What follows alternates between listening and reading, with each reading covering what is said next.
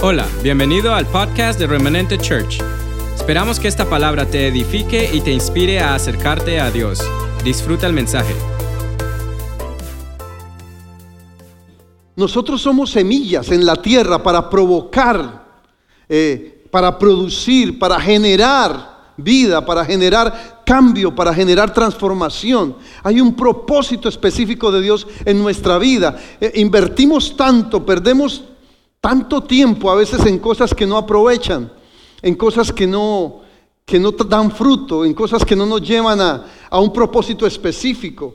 Créame, nosotros estamos gastando demasiado de nosotros, de los recursos, de nuestro potencial, de nuestros talentos, de nuestra fuerza, de nuestro ánimo, de nuestra familia, de las relaciones. Estamos invirtiendo tanto, pero malgastamos y no cumplimos propósito.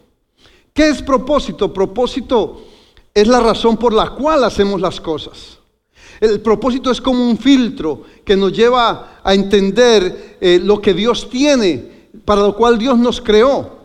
Y hay oportunidades que aparecen en nuestra vida todos los días, todo el tiempo, pero no están en armonía con el propósito de Dios. Y, en ello hemos invertido demasiado.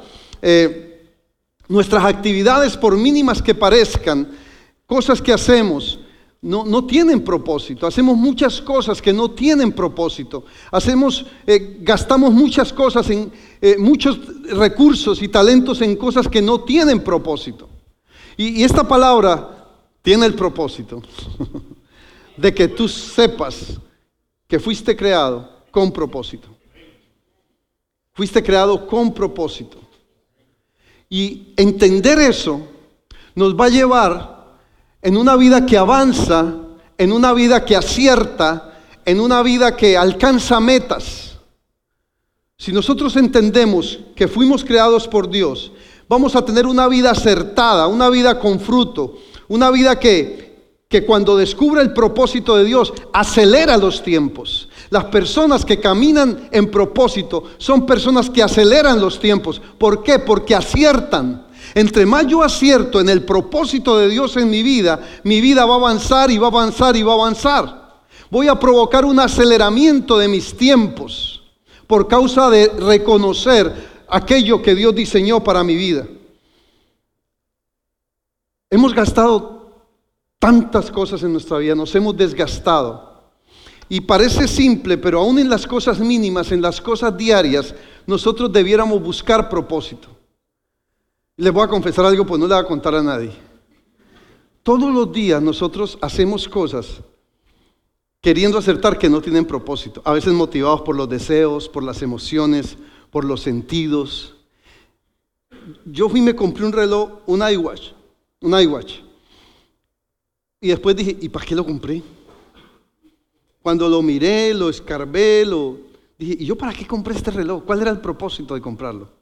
Le confieso, no había propósito. Y me gasté un dinero que había podido usar para otra cosa. ¿Me está entendiendo lo que le estoy diciendo? Y así en muchas cosas nosotros hacemos. Hay veces que nos compramos unos zapatos, hermanitas, y ni se los ponen. Yo sé que eso no ha pasado en su casa, eso pasa allá en... Que mientras consiguen el bolso del color o los aretes que le salgan con los zapatos, y a la final ay, no, no me gustaron. No. Ah, no, no conseguí el bolso. Mentira, no le gustaron y no tiene propósito. Entonces, hay tantas cosas que hacemos que no tienen propósito. Relaciones, escúcheme. Hay relaciones en nuestra vida que no tienen propósito. Hay personas con quien nosotros andamos y, quiero que me entienda muy bien, no, me vaya a malentender, que no estamos hablando de discriminar a nadie, no estamos hablando de personas malas, no estamos hablando de eso. Estaba hablando de que a veces nos involucramos en relaciones y con personas que obstaculizan el propósito de Dios en nuestra vida. Diga ay, diga amén, diga algo, tíreme una zanahoria, un tomate, alguna cosita. Eso, eso. Entonces necesitamos entrar en una dimensión que sepamos, que sepamos que nosotros caminamos y avanzamos en los propósitos.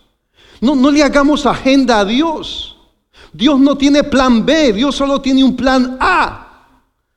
Dios no tiene plan B. Y nosotros mantenemos inventándole a Dios. Dios estableció una agenda para nosotros. ¿Para qué? Para que nuestra vida fructificara constantemente. Escúchame, el propósito de Dios en tu vida y en mi vida no es un evento, no es un suceso, es un estilo de vida. Y cuando entendemos eso, nos convertimos en personas expuestas al éxito, expuestas a la bendición, expuestas a alcanzar metas, expuestas a tener visión por causa de que el propósito de Dios es una realidad en nuestra vida. Y debemos crear un balance en ese propósito. Porque escuche, las personas que no caminan en propósito, con, teniendo propósitos de vida, son personas que se vuelven inestables o son inestables. Son personas que no terminan lo que comienzan, porque como no hay propósito, ah, esto para qué lo estoy haciendo, ¿no? Yo no le veo, entonces lo deja y empieza otra cosa. Pero cuando tú sabes que sabes que sabes que Dios te creó con un propósito, tu vida va a fructificar.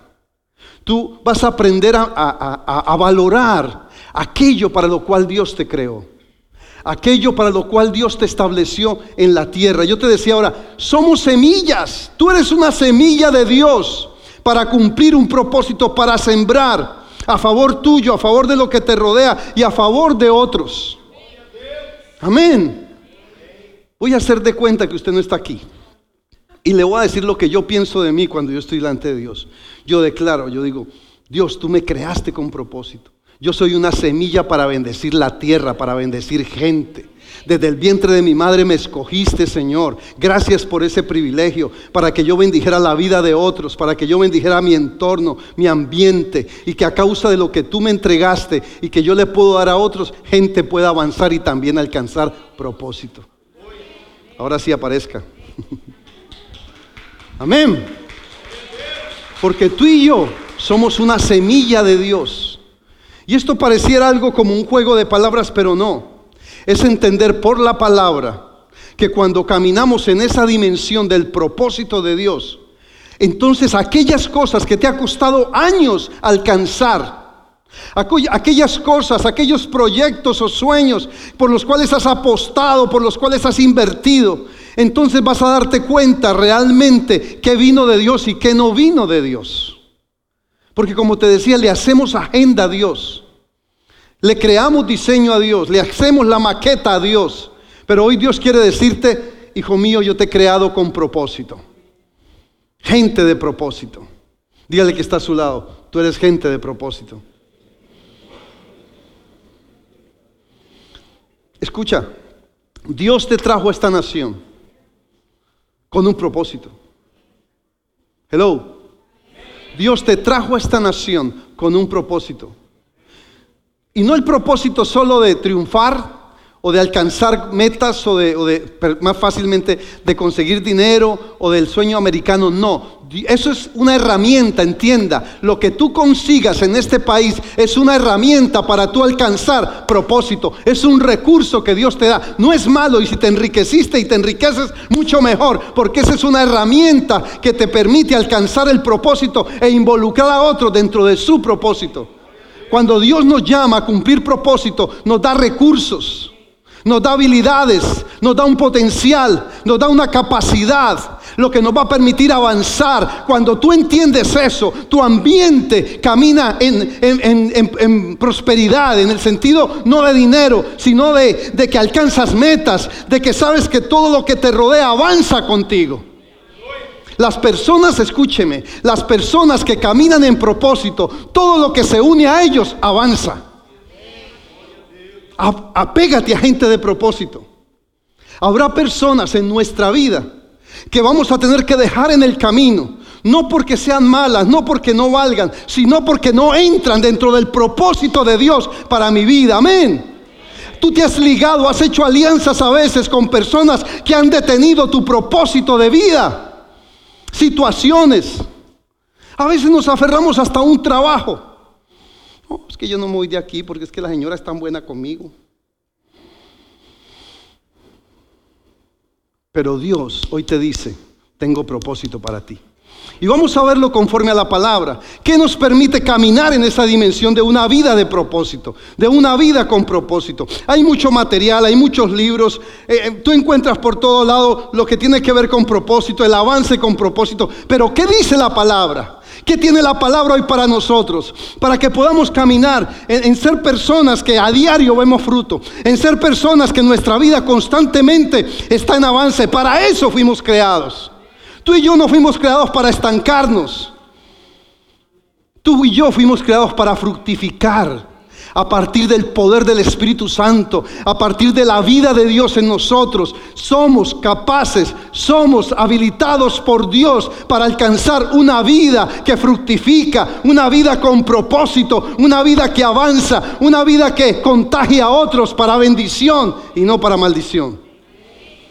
Cuando caminas en propósito, eres generador. Eres generador de vida.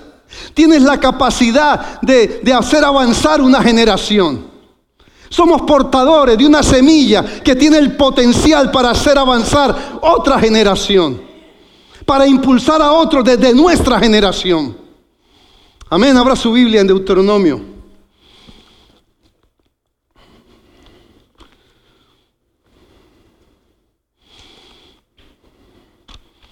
Deuteronomio capítulo 10, versículo 12.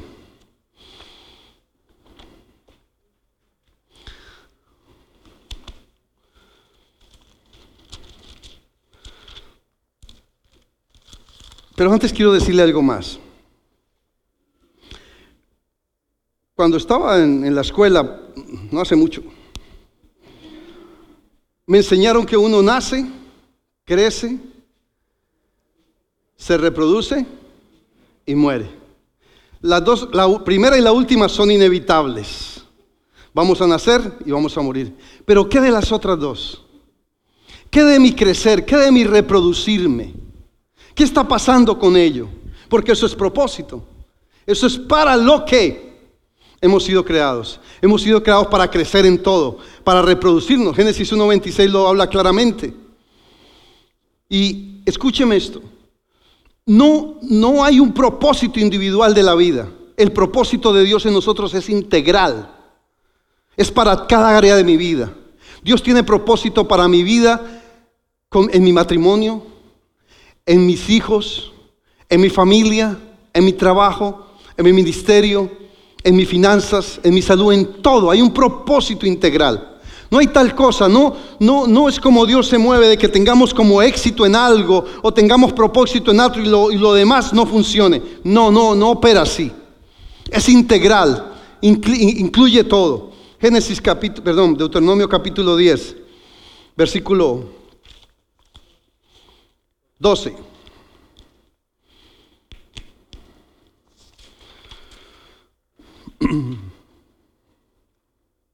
Ahora pues, Luis, ahora pues Noé, ahora pues remanente, ahora pues Israel. ¿Qué pide el Señor tu Dios de ti? ¿Qué pide el Señor de, el Señor de mí?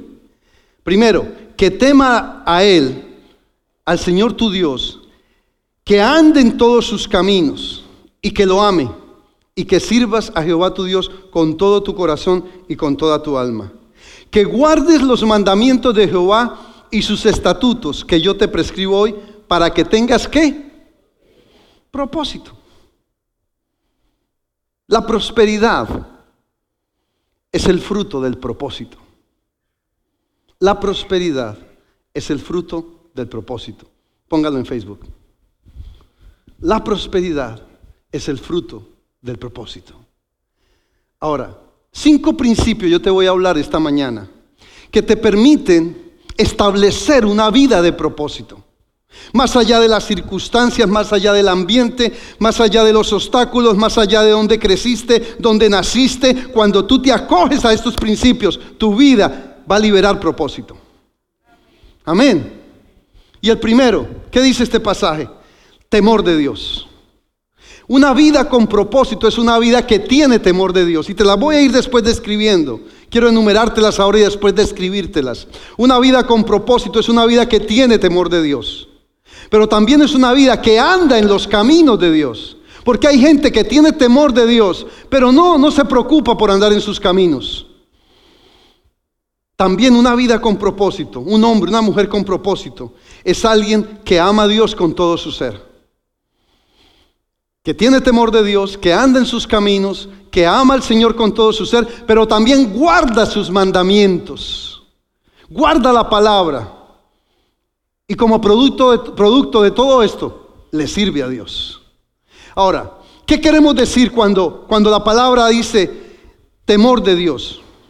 Una de las cosas que nos impide alcanzar esa visión, ese propósito, eso que, que Dios nos muestra adelante, esas victorias, es porque no tenemos una visión clara de, del mundo que nos rodea o de la tierra como la que Dios nos muestra. Caminamos en nuestra propia visión.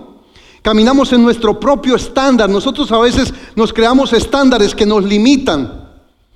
Estándares que, que creamos para de acuerdo a cómo yo veo el mundo. Cada persona, por eso es que oímos la frase, cada persona es un mundo. ¿Por qué? Porque cada uno tiene su estándar, cada uno tiene su visión de lo que el mundo representa. Pero cuando yo miro a Dios, yo voy a tener la visión de lo que Dios ve. Cuando yo temo a Dios, yo voy a ver lo que Dios ve. Cuando yo temo a Dios, yo voy a cuidar que mis pasos estén guiados por Dios. Porque además, cuando yo temo a Dios, alcanzo sabiduría. Eso es lo que dice la palabra. El principio de la sabiduría es el temor de Dios. Entonces, cuando yo tengo temor de Dios, alcanzo sabiduría. Y esa sabiduría me hace caminar en un, en un camino de, de, propósito, donde alcanzo metas, donde alcanzo sueños, donde, donde veo constantemente un avanzar de mi vida. Porque temo a Dios, porque me aseguro que lo que Dios ha dicho acerca de mí, yo voy a caminar en ello y por ello porque temo aquello. Y no estamos hablando de miedo. Hablamos de, de, valorar, temor de Dios en este caso, es acogerme a lo que Él dijo, porque cuando me salgo de ahí pierdo. Amén. Y cuando, y como te digo, cuando caminamos en ese temor, liberamos sabiduría. Cuando caminamos en temor de Dios, hay algo que sucede cuando nos acogemos al temor de Dios. Y es que la integridad de esa naturaleza de Dios se manifiesta en nosotros. Entonces me acojo al modelo, me acojo al diseño. Lo segundo es andar en sus caminos. La Biblia dice en Proverbios 16, 16, 25, hay caminos que al hombre le parecen rectos, pero su fin es camino de qué? de muerte. Pero cuando yo tengo temor de Dios, yo me acojo a sus caminos, yo busco sus caminos, yo me alineo con sus caminos. Hay una oración que yo siempre le hago al Señor. Muéstrame, Señor, tus caminos y enséñame en tus sendas andar, porque estoy cansado de los míos y no quiero pecar. Entonces necesitamos decirle al Señor que nos muestre sus caminos. Cuando yo camino en esa vía que Dios traza, eh, no en un camino paralelo, porque hay gente que camina en caminos paralelos, ve lo que está pasando allá desde aquí. Y sí, está sucediendo, está mirando, está viendo, pero no está caminando en la ruta que Dios le ha trazado. Caminar en los caminos de Dios implica que lo que Dios ha dicho acerca de mí, yo piso firme sobre ello. Dice, lámpara es a mis pies su palabra y lumbrera mi camino. La palabra va a marcar el camino de Dios para mi vida, de tal forma que cuando yo camino en esa ruta voy a alcanzar el propósito. Me estoy haciendo entender, iglesia.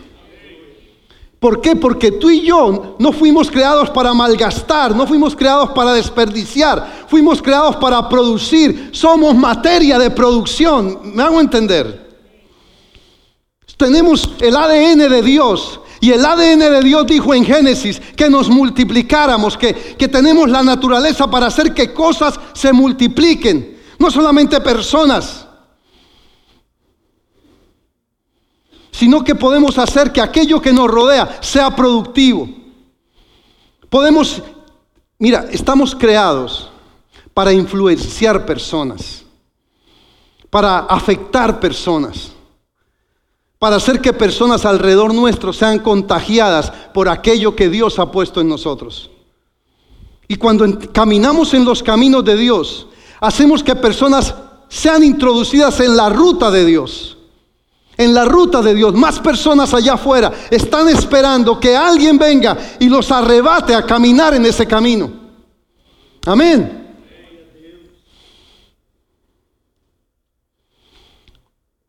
Pero no podemos dejar que el tiempo avance más. No podemos dejar que, no podemos dejar o caminar desperdiciando los recursos, la capacidad, el talento, el potencial, la habilidad, la capacidad de pensar, la inteligencia que Dios nos ha dado para alcanzar esas metas. Entonces, si quiero alcanzar propósito, Busco caminar en temor de Dios, pero también me introduzco en sus caminos. ¿Cuál camino estamos caminando? ¿Qué camino estoy caminando? Porque si estoy caminando en, en, una vía de despropósito, tengo que cambiar de dirección y meterme en el camino que me lleva a cumplir aquello para lo cual Dios me creó. Necesito descubrir para qué Dios me creó. Dios te creó para buenas obras. Dios te creó para avanzar. Dios te creó para ser fructífero. Dios te creó para estar arriba y no abajo. Dios te creó para ser cabeza y no cola. Amén. Dale ese aplauso al Señor.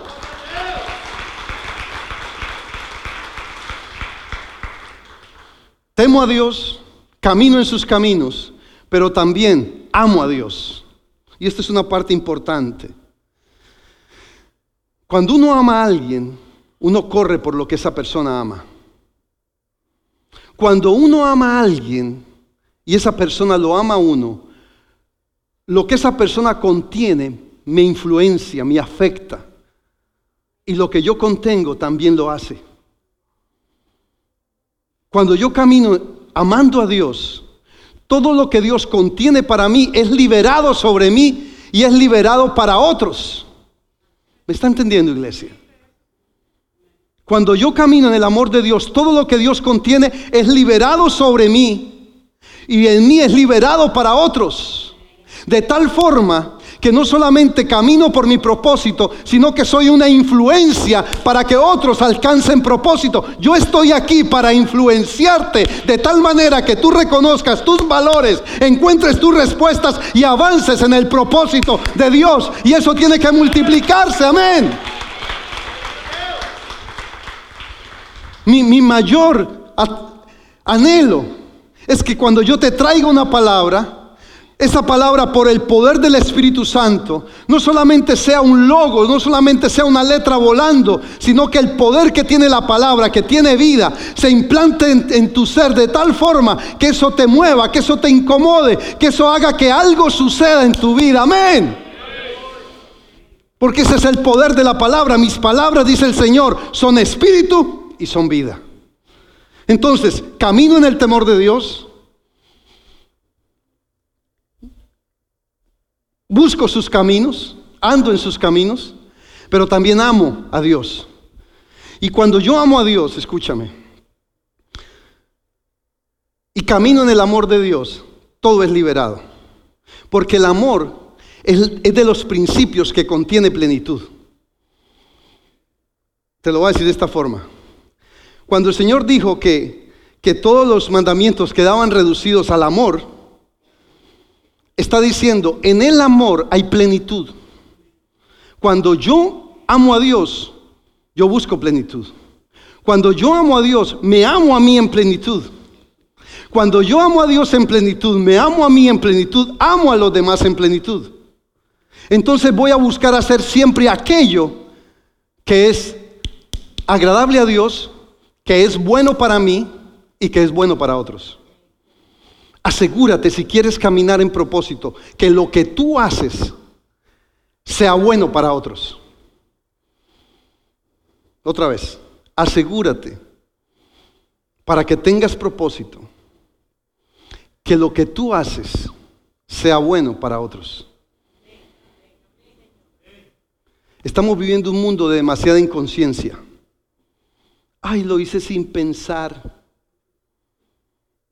Me hizo acordar de un cuento de un pastor que cubríamos en El Salvador y él es cieguito y tiene como ocho hijos. Y yo un día le dije, ¿y usted por qué tiene tantos hijos? Y me dijo, es que yo no veo lo que hago.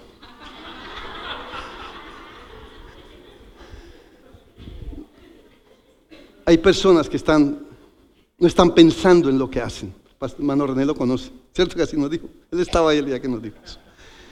Hay personas que están caminando sin pensar en lo que, en lo que sigue. Y eso es despropósito.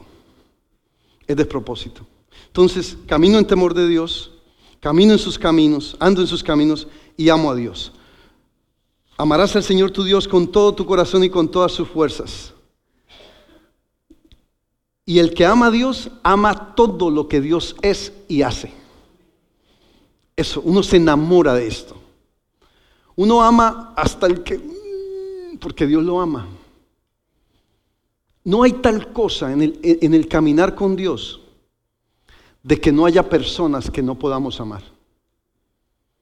Habrá personas con que no podremos andar y son obstáculos en el propósito, pero igual las vamos a amar.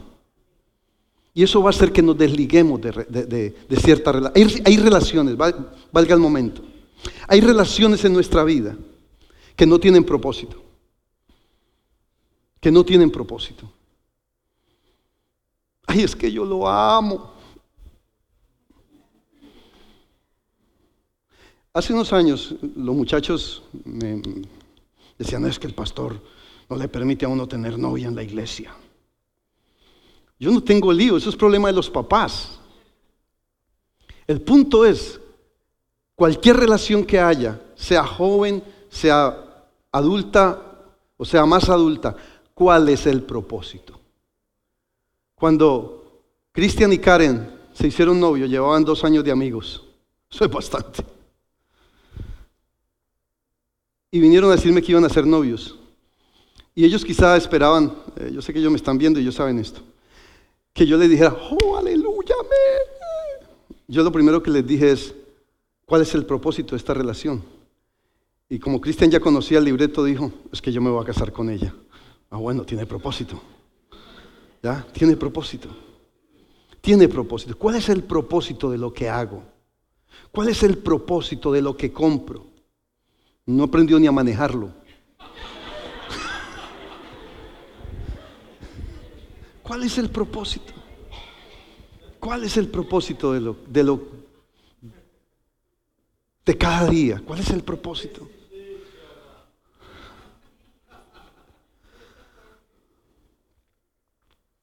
Le temo a Dios, ando en sus caminos, lo amo, pero también que guardo sus mandamientos. Váyase un momentico a Deuteronomio 8.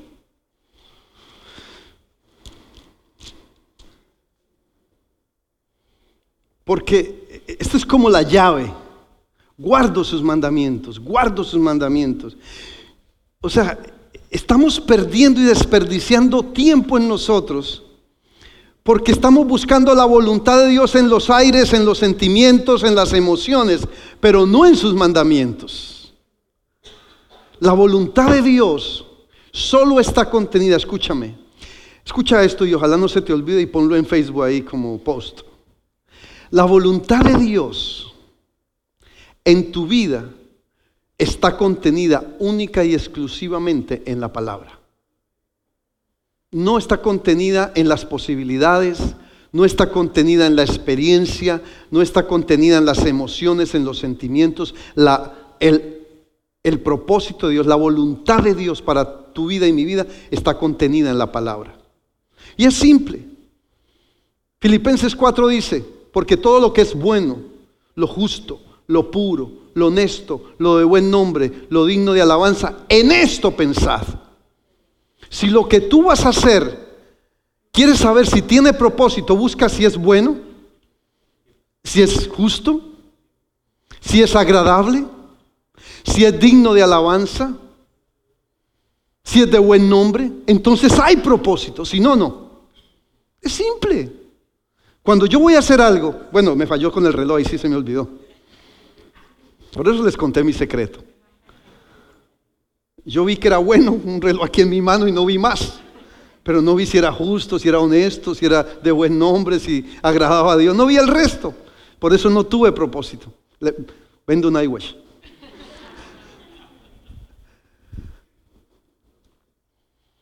La voluntad de Dios está contenida solo en su palabra. Deuteronomio capítulo 8. Cuidaréis de poner por obra todo mandamiento que yo te ordeno hoy ¿Para qué? para que vivas y seas multiplicado y entres y poseas la tierra que el Señor te prometió con juramento a vuestros padres. O sea, cuando yo entro en esa dimensión de obediencia, se libera todo en mi vida. Esta, esta semana en la clase de compendio pastoral, alguien me preguntaba, me decía, pastor, ¿por qué hoy por hoy no vivimos en, en los milagros que se vivían antes? Y eso me ha hecho pensar mucho y tiene mucho que ver con esto. Porque no estamos en esa dimensión de obediencia y de propósito. La misma Biblia dice, pedís y pedís mal, o sea, pedís sin propósito. Pero cuando yo entiendo que mi vida tiene propósito, yo voy a entender por qué Dios sana a alguien. Yo voy a entender por qué debo orar por un endemoniado. Yo voy a entender por qué tengo que predicarle la palabra a alguien. Porque tú y yo fuimos creados, fuimos, nacimos para eso, para traer salvación a otros también. Cuando entendemos esto, entonces no queremos que ninguna vida se pierda. No queremos, no vamos a querer, vamos a tener carga por las vidas. Vamos a amar las almas por causa de que hemos entendido que el propósito de Dios en mi vida, en esta tierra, tiene que ver también con ser un mensajero de buenas nuevas, de llevar la palabra. Entonces necesitamos poner esta palabra por obra, necesitamos aprender a obedecerla, necesitamos enamorarnos de lo que Dios ha dicho, necesitamos fijarnos en aquello, poner nuestros sentidos, no en los deseos comunes, no en las emociones que nos debilitan, sino en aquello que Dios ha dicho. Tenemos que adiestrar nuestros sentidos, dice la palabra para entender, para discernir ese propósito. Cuando yo camino en la palabra, tengo la capacidad de discernir lo que Dios quiere para mí. Cuando yo no obedezco la palabra, pierdo la brújula, me pierdo, cambio de dirección, me desoriento, me confundo, porque no estoy poniendo por obra la palabra. La palabra me da la capacidad, cuando yo obedezco la palabra, me da el derecho legal de liberar el propósito de Dios en mi vida. Está asegurado. La palabra me asegura mi propósito. Obedecer la palabra me dice, sigue por ahí, sigue por ahí. Y vas a alcanzar todo aquello que le ha prometido. Entonces, le temo a Dios, camino en sus caminos, en sus sendas, le amo, pero también obedezco su palabra. Todo esto me va a llevar a algo, a servir. Es lo que leíamos ahí en, los pasajes de Deuteronomio. Un hombre que sirvió 14 años por una mujer. Ese, ese hombre, Dios lo bendiga. Se llamaba Jacob. Y lo pusieron a trabajar. Por, él sabía, yo voy por ella. Yo voy por, por Raquel. Yo voy por ella. Trabajó siete, no fue suficiente. ¿Cuánto más? Dígame cuánto más le dijo al suegro. ¿Usted se imagina? Le dijo, otros siete. Y él dijo, voy para esa. Porque ese hombre sabía que sabía. Juancho, ¿cuántos? Él sabía que sabía que había propósito. Porque de esa matriz, y mi esposa lo predicaba el, viernes aquí, salió Benjamín. ¿Y quién más? Y José. Y, y de ellos vino la promesa.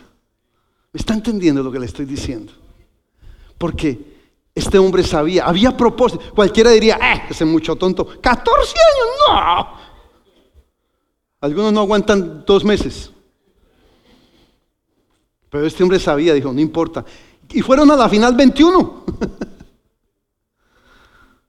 Ahí pegado el suegro.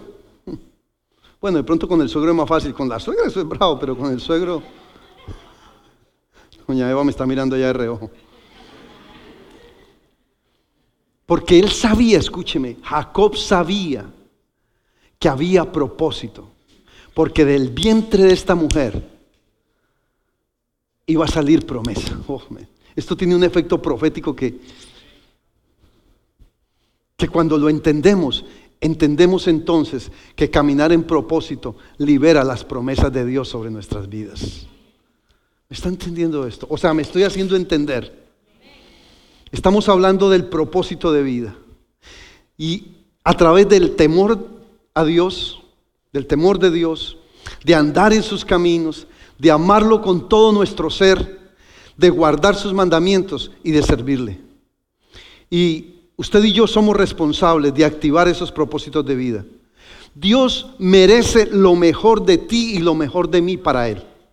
¿Qué le estoy dando a Dios de mí? Dios merece lo mejor de nosotros. Los hombres y mujeres que caminamos y buscamos caminar en propósito, siempre vamos a querer darle a Dios lo mejor de nosotros. Yo quiero cada día aprender, lo estoy aprendiendo, a darle a Dios lo mejor de mí para que se cumplan propósitos. Para que sea liberado aquello que Él dijo, que Él trazó, que Él diseñó para nuestras vidas y ser más que un número y ser más que algo común. Necesitamos ser personas ordinarias que nos convirtamos en extraordinarias. Eso lo hemos oído mucho, es un cliché, pero es una verdad, es una realidad. Y necesitamos entender, Él ha puesto en nosotros ese potencial, esa capacidad para que cumplamos sus propósitos. Y no estamos hablando de algo que no existe, estamos hablando de algo que es real, porque Él lo dijo, porque Él lo proclamó acerca de ti y de mí. Necesitamos evaluar nuestra vida. Yo sé de personas que caminan en esa dimensión. Yo sé de personas que han entendido estos principios y se puede ver el fruto. Cada persona que yo veo que busca caminar en estos principios va a dar fruto, va a acelerar su vida, va a caminar en un estándar, en un balance de acuerdo al estándar de Dios. La iglesia necesita volver a la vida de propósito que Dios entregó desde el principio. Amén. Dale ese aplauso al Señor.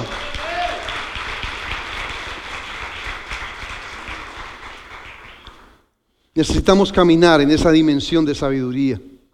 Y como resultado de esos propósitos, entonces proveemos para la próxima generación. Y esto es clave aquí.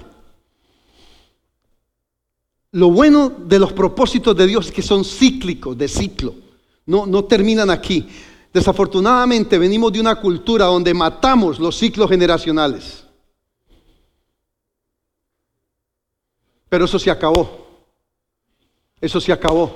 Veníamos de una cultura que mataba los ciclos generacionales. No había herencia pero eso se acabó. Hoy podemos decir, aún como hispanos, que Dios nos está permitiendo establecer una nueva generación para lo que viene. Tenemos que romper esos ciclos de maldición que venían desde los antepasados para poder establecer una generación de vida, porque somos gente de propósito y con propósito. Amén.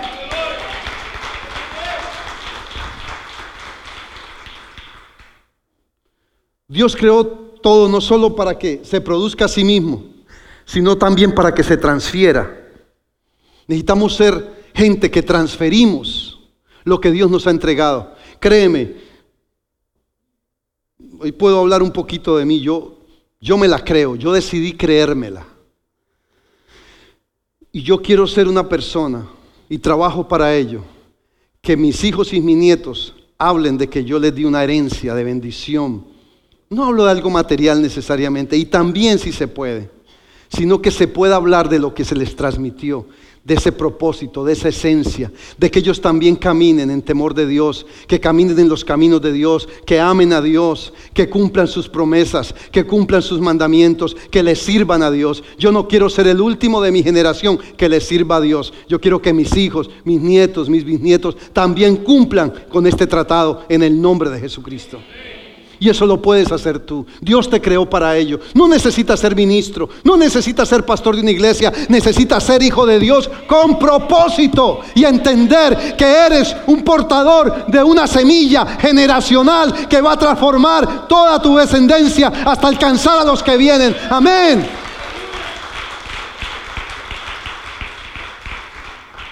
Escucha esto. Si no encontramos el propósito de Dios en nosotros, no dejaremos herencia, ni a nuestros hijos ni a la próxima generación. Proverbios 13, 22, mira lo que dice, así rapidito. Ya voy a terminar. Estoy bien.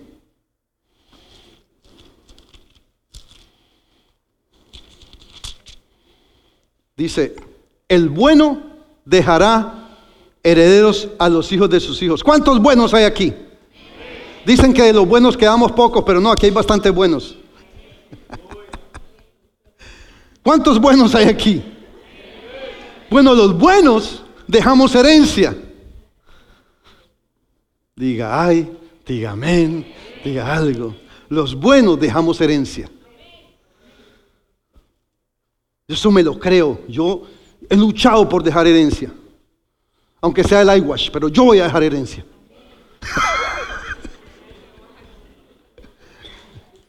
Yo he luchado, escúcheme, escuche esto. Parte del propósito de Dios para nosotros es que dejemos herencia. Herencia. Herencia. Y no estoy hablando de algo material necesariamente. Herencia es aquello que le va a poder permitir a la próxima generación que tú dejas que pueda alcanzar propósito. Eso es herencia. Eso es herencia.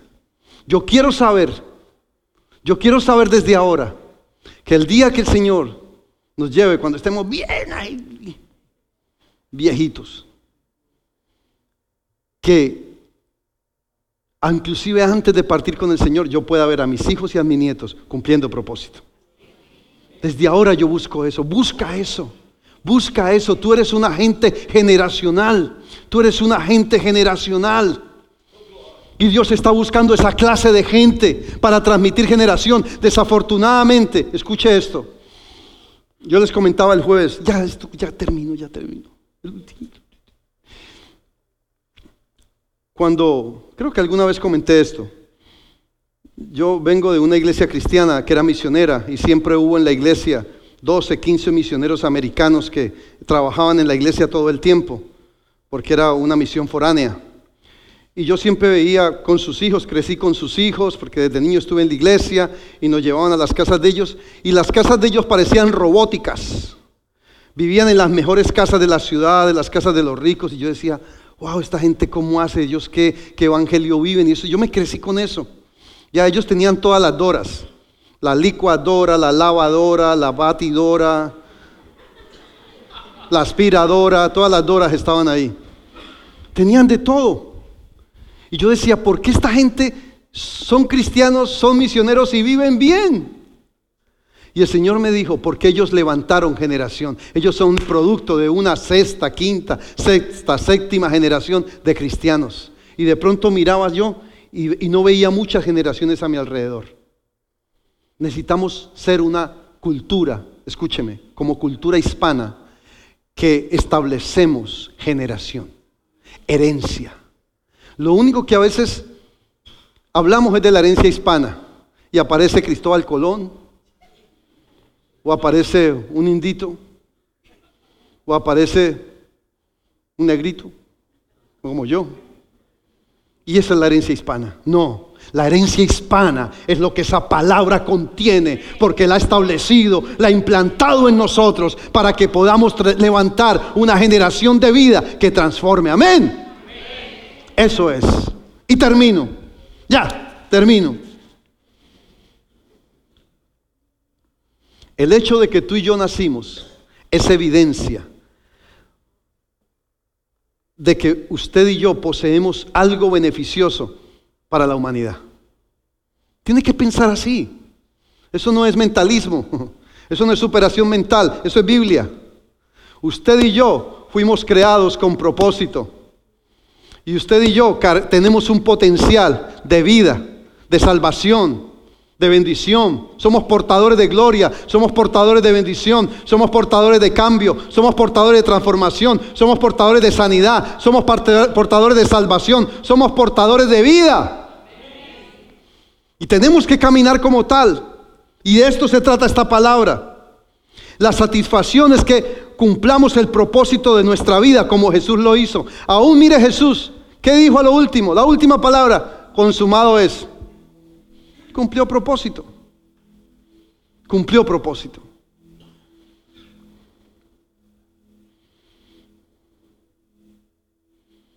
Y Dios nos ha equipado con todo lo que necesitamos para ello.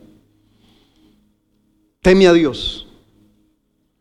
Camina en sus caminos. Ámalo. Obedece su palabra y sírvele. y alcanzarás propósito. Si estás haciendo algo diferente a eso, no estás caminando en propósito. Si estás invirtiendo tu potencial, tus recursos en otras cosas, no estás alcanzando propósito. Y no quiere decir que parte del propósito es alcanzar buenas relaciones, buenos amigos, eso es parte del propósito. Pero sobre todo, que caminemos en la plenitud de la voluntad de Dios, aún aquí en la tierra. Y entonces nos daremos cuenta que Dios nos trajo a esta nación con un propósito. Aunque no sea nuestra cultura y luchamos con eso,